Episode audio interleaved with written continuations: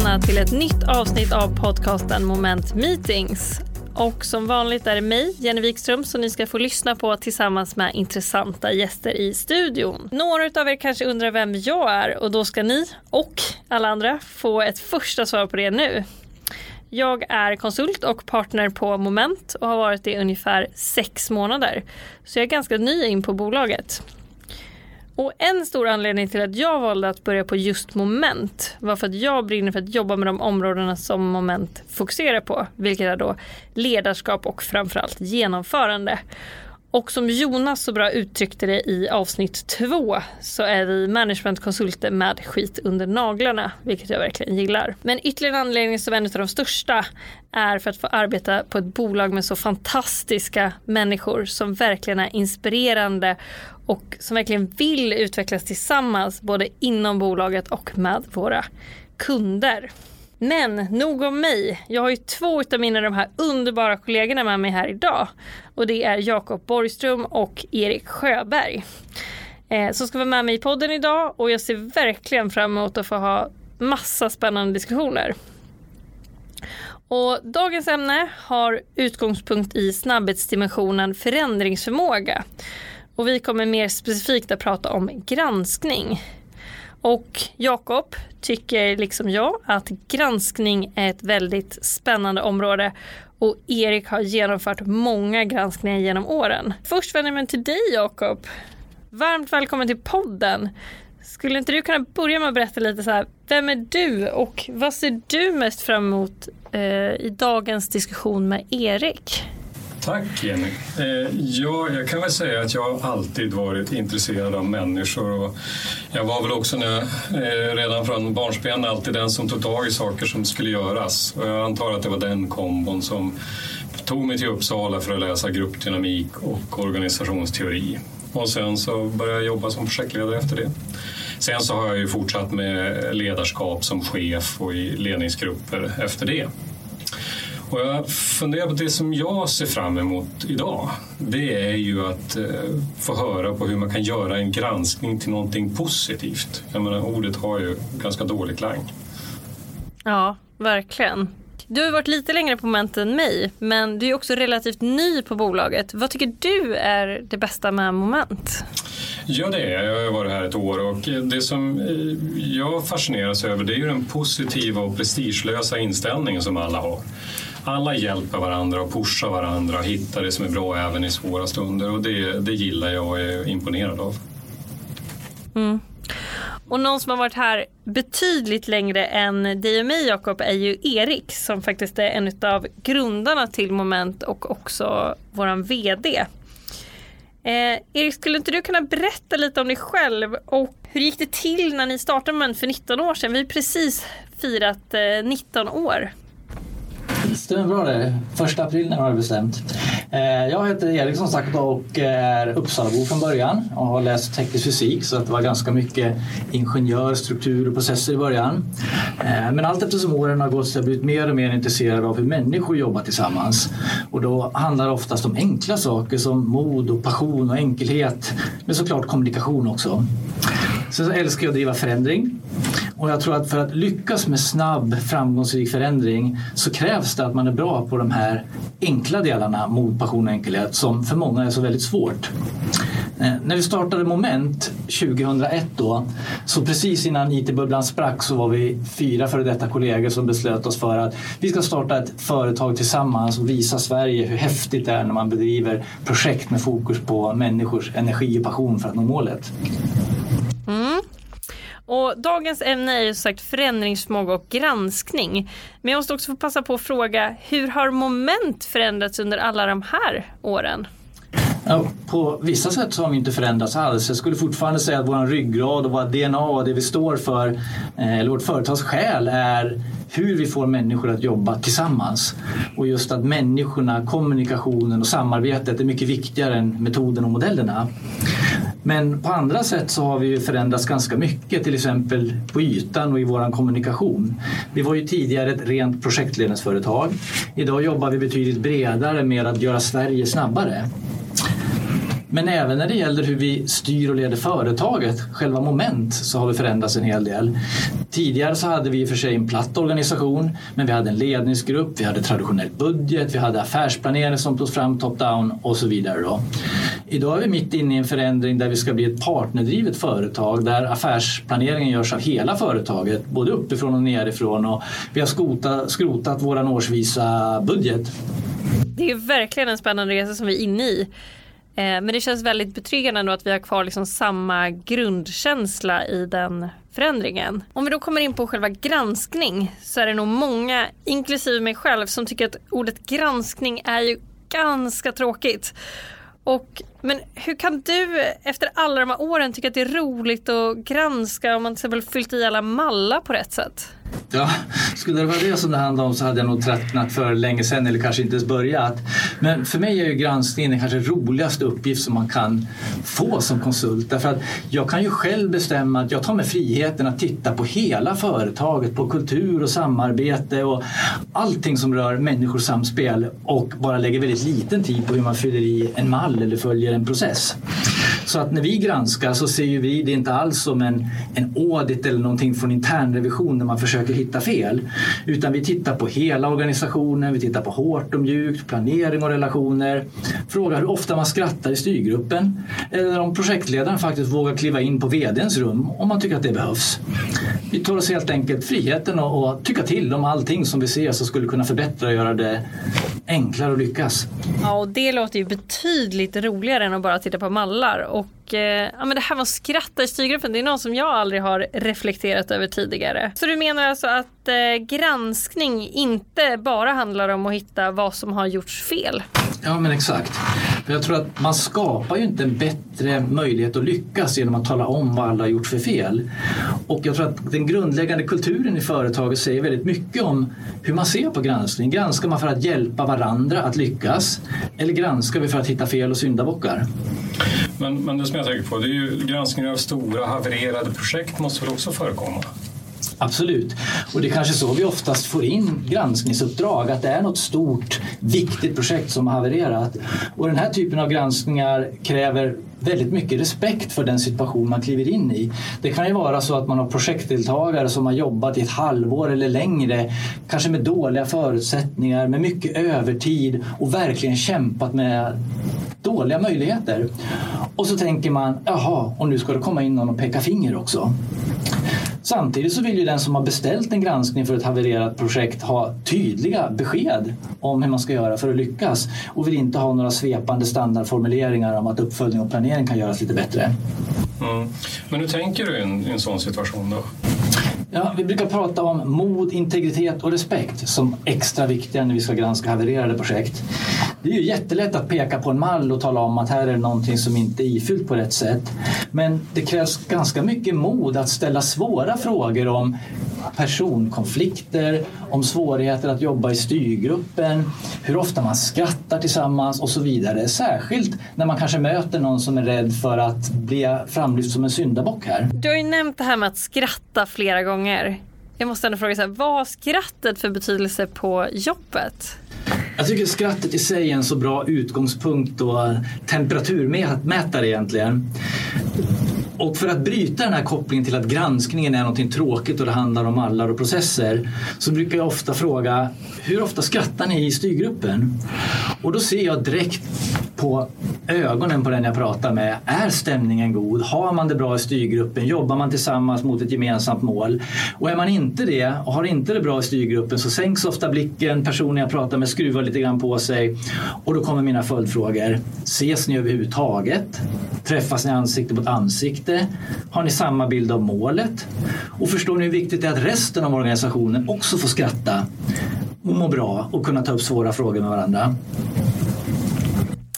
Ja, det är superhäftigt tycker jag att just skrattet du visar så himla himla mycket och det är ju det är klart att vi alla vill ha roligt på jobbet så att eh, jag tycker det är kul att det ändå är med i sådana här typer av granskningar att vi tittar på fler dimensioner. Du nämnde ju tre delar, mod, integritet och respekt. Du pratar ju lite om just det här modet att våga ställa svåra frågor. Men hur resonerar du kring integritet och respekt? När det gäller integritet så är det den absoluta självklarheten när man granskar. Man måste ju vara objektiv och stå för det man hittar både när man intervjuar deltagare i projektet eller organisationen och när man läser dokumentation.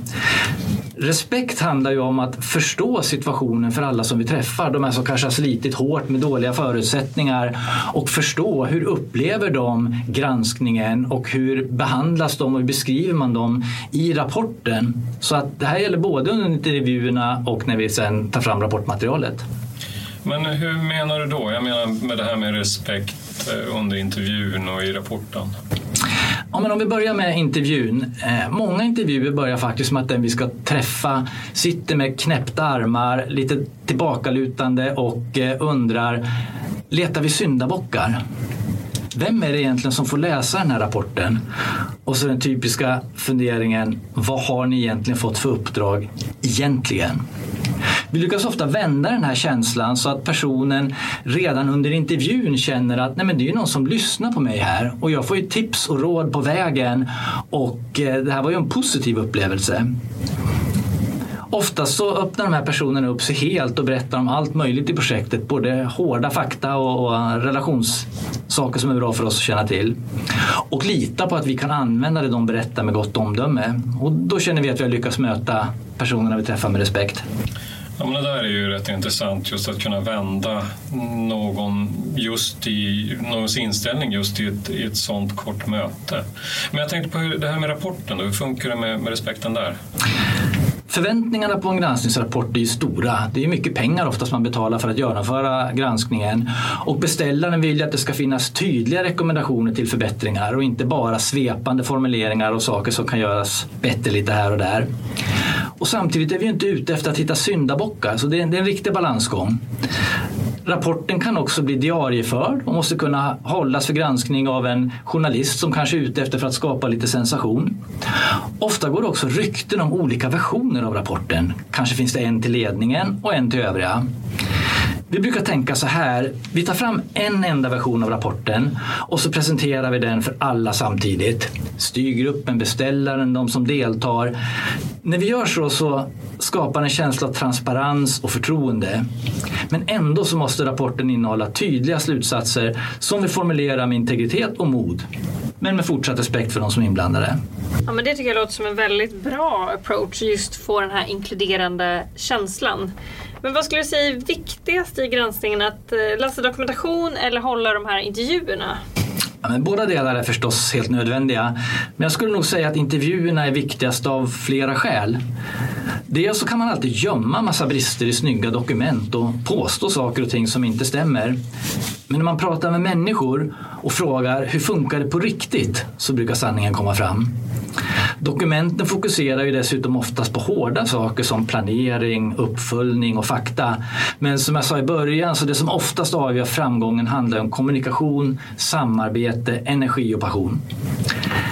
En till fördel med intervjuerna är att vi sparar väldigt mycket tid för att vi frågar ju direkt de som har jobbat i projektet eller organisationen lång tid. Vad gör det mest ont just nu och vad är roligast och vad fungerar bäst?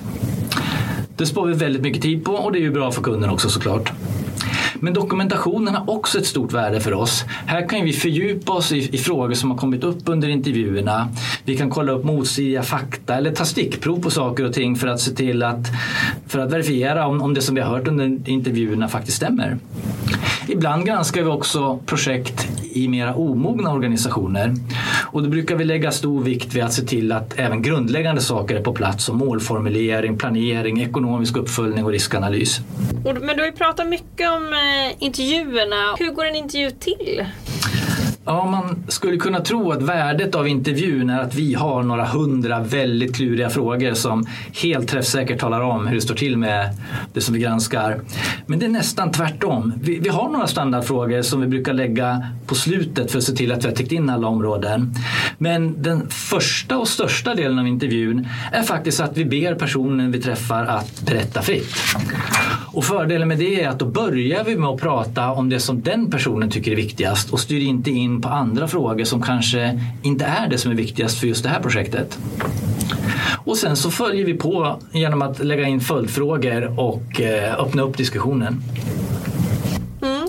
Men har du något konkret exempel från någon intervju att dela med dig av? Ett bra exempel tycker jag var en granskning jag gjorde där jag upplevde en hypotes jag hade att marknads och produktavdelningen pratade inte tillräckligt mycket med utvecklingsavdelningen. Och jag kände, har de något samarbetsproblem eller har de pratat förbi varandra eller vad beror det här på? Och eh, när jag träffade produktchefen så, så frågade jag henne så här, hur, hur ofta sitter du och kravledaren i utvecklingsprojektet i samma rum?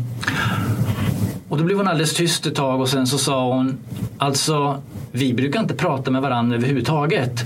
Och nu när du frågar så så förstår jag att det är väldigt märkligt.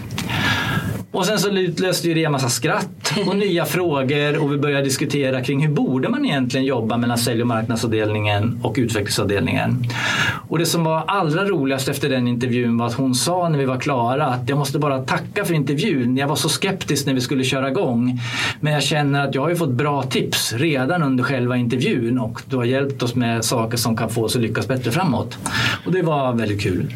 Men det där är rätt roligt just när det händer i, i själva intervjuögonblicket ögonblicket. Eh, kul att höra. Jag tänkte på just det här med projektmodellen. Och tittar inte alls på om man har följt projektmodellen? Jo, visst kollar vi lite grann på det, men det är inget som vi lägger mycket tid på. Och vi tittar inte bara på om man har följt modellen, utan vi tittar också på om modellen är bra för projektet eller modellen är bra för organisationen. Som ledare så måste man våga ifrågasätta modellen och lägga till eller dra ifrån där, där det behövs. Ja, och om modellen är bra då?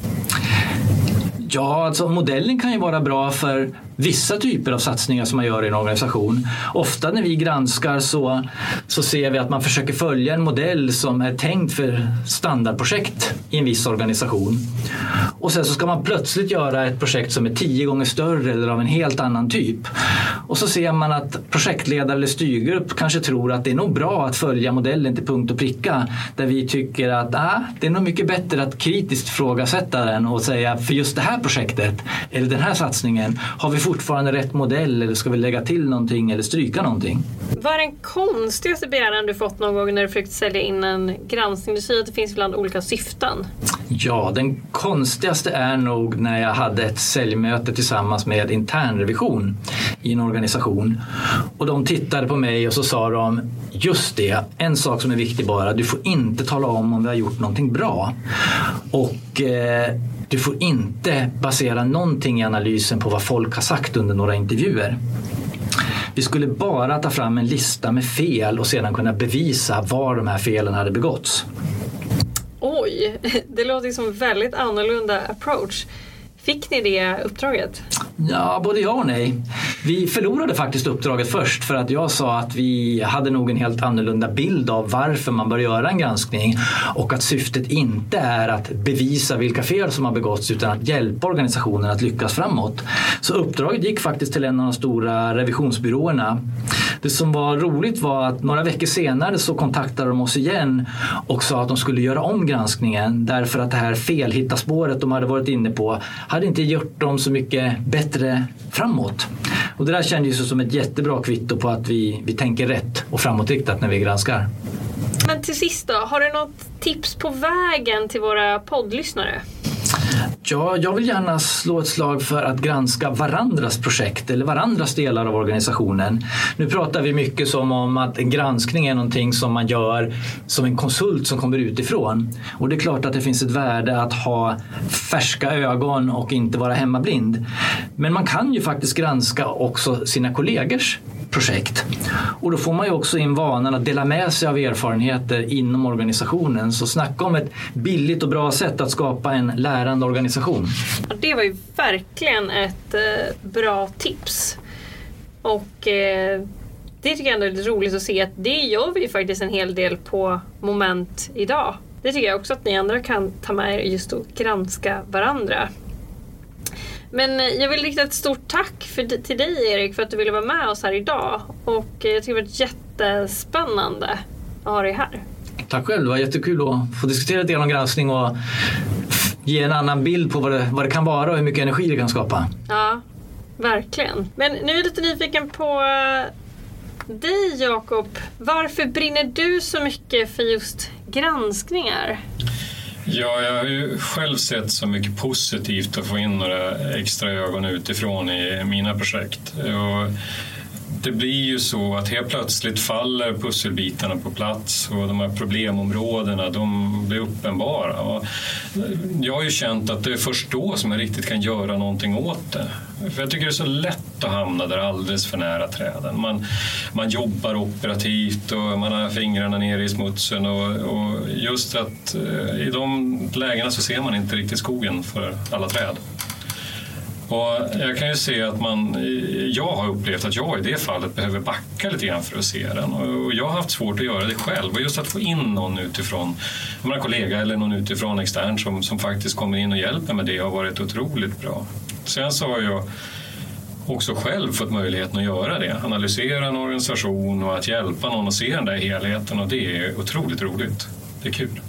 Mm. Ja, men det är otroligt häftigt hur mycket det kan ge kan jag tänka mig. Både att bli granskad och att granska någon annan. Men jag tänker, vad tar du med dig mest idag då, från diskussionen som vi haft tillsammans med Erik? Ja, det är mycket som han tar upp här och det är roligt med alla exempel. Men det som jag tänker på mest det är väl just att det, det faktiskt går att få folk som är rädda och omotiverade när de kommer till en intervju att faktiskt gå därifrån laddade med energi och att kunna se det positiva med förändringar. För jag menar, just i den där situationen så är man ju rädd och då blir förändringar ett hot. Men jag tror att det där också visar på styrkan i att eh, faktiskt fokusera på förbättring och inte på att hitta fel. Så det tycker jag var, det tycker jag var bra. Mm. Och med det sagt så har vi då kommit fram till det återkommande konceptet i den här podden som är då tre snabba. Den här gången så kommer du Jakob att få välja svar på tre snabba påståenden utifrån våra snabbhetsdimensioner då. Riktning, hastighet och förändringsförmåga. Okej, okay, spännande. Då tar vi första. Riktning. Bergstopp eller havsdjup? Oh, du ska man vara snabb också. Bergstopp. Ja, varför just bergstopp? Ja, men alltså jag gillar ju på något vis utsikt och jag gillar att, att få överblick. Och det, det, är någonting med en bergstopp, då kan man ta utryckningen på ett väldigt effektivt sätt. Mm. Andra då? Hastighet. Kolibri eller örn? Ja, då får det bli örn.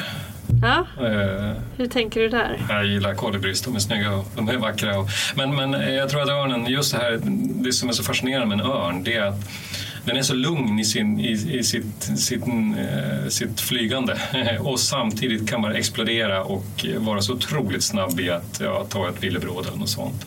Och just den där kombinationen tror jag är en otrolig styrka. Det får, får mig att i alla fall tänka på, på snabbhet och hastighet. Mm. Och så förändringsförmåga. Höst eller vår? Ja, det blir vår. Jag älskar hösten och färgerna är fina men det finns någonting med jag tror att eh, spontant känner jag nog att det är eh, den där kraften, energin i förändringen eh, i våren. Det är något positivt. Jag tror det är positiva i förändringen.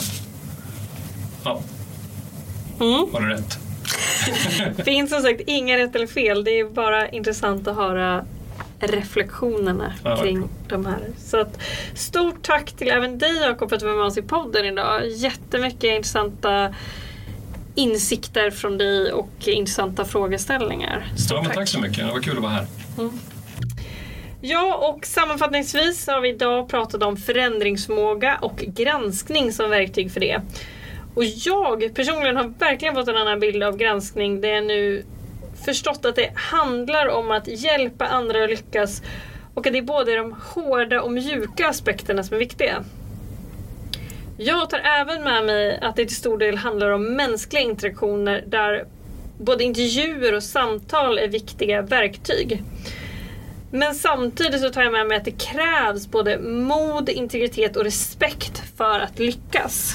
Och även vi på Moment eh, vill ju såklart bli granskade för att få nya insikter och kontinuerligt utvecklas. Och därför har vi startat Moments Advisory Board där vi nu söker efter en grupp som vill diskutera med oss hur man kan bli ett modernt bolag.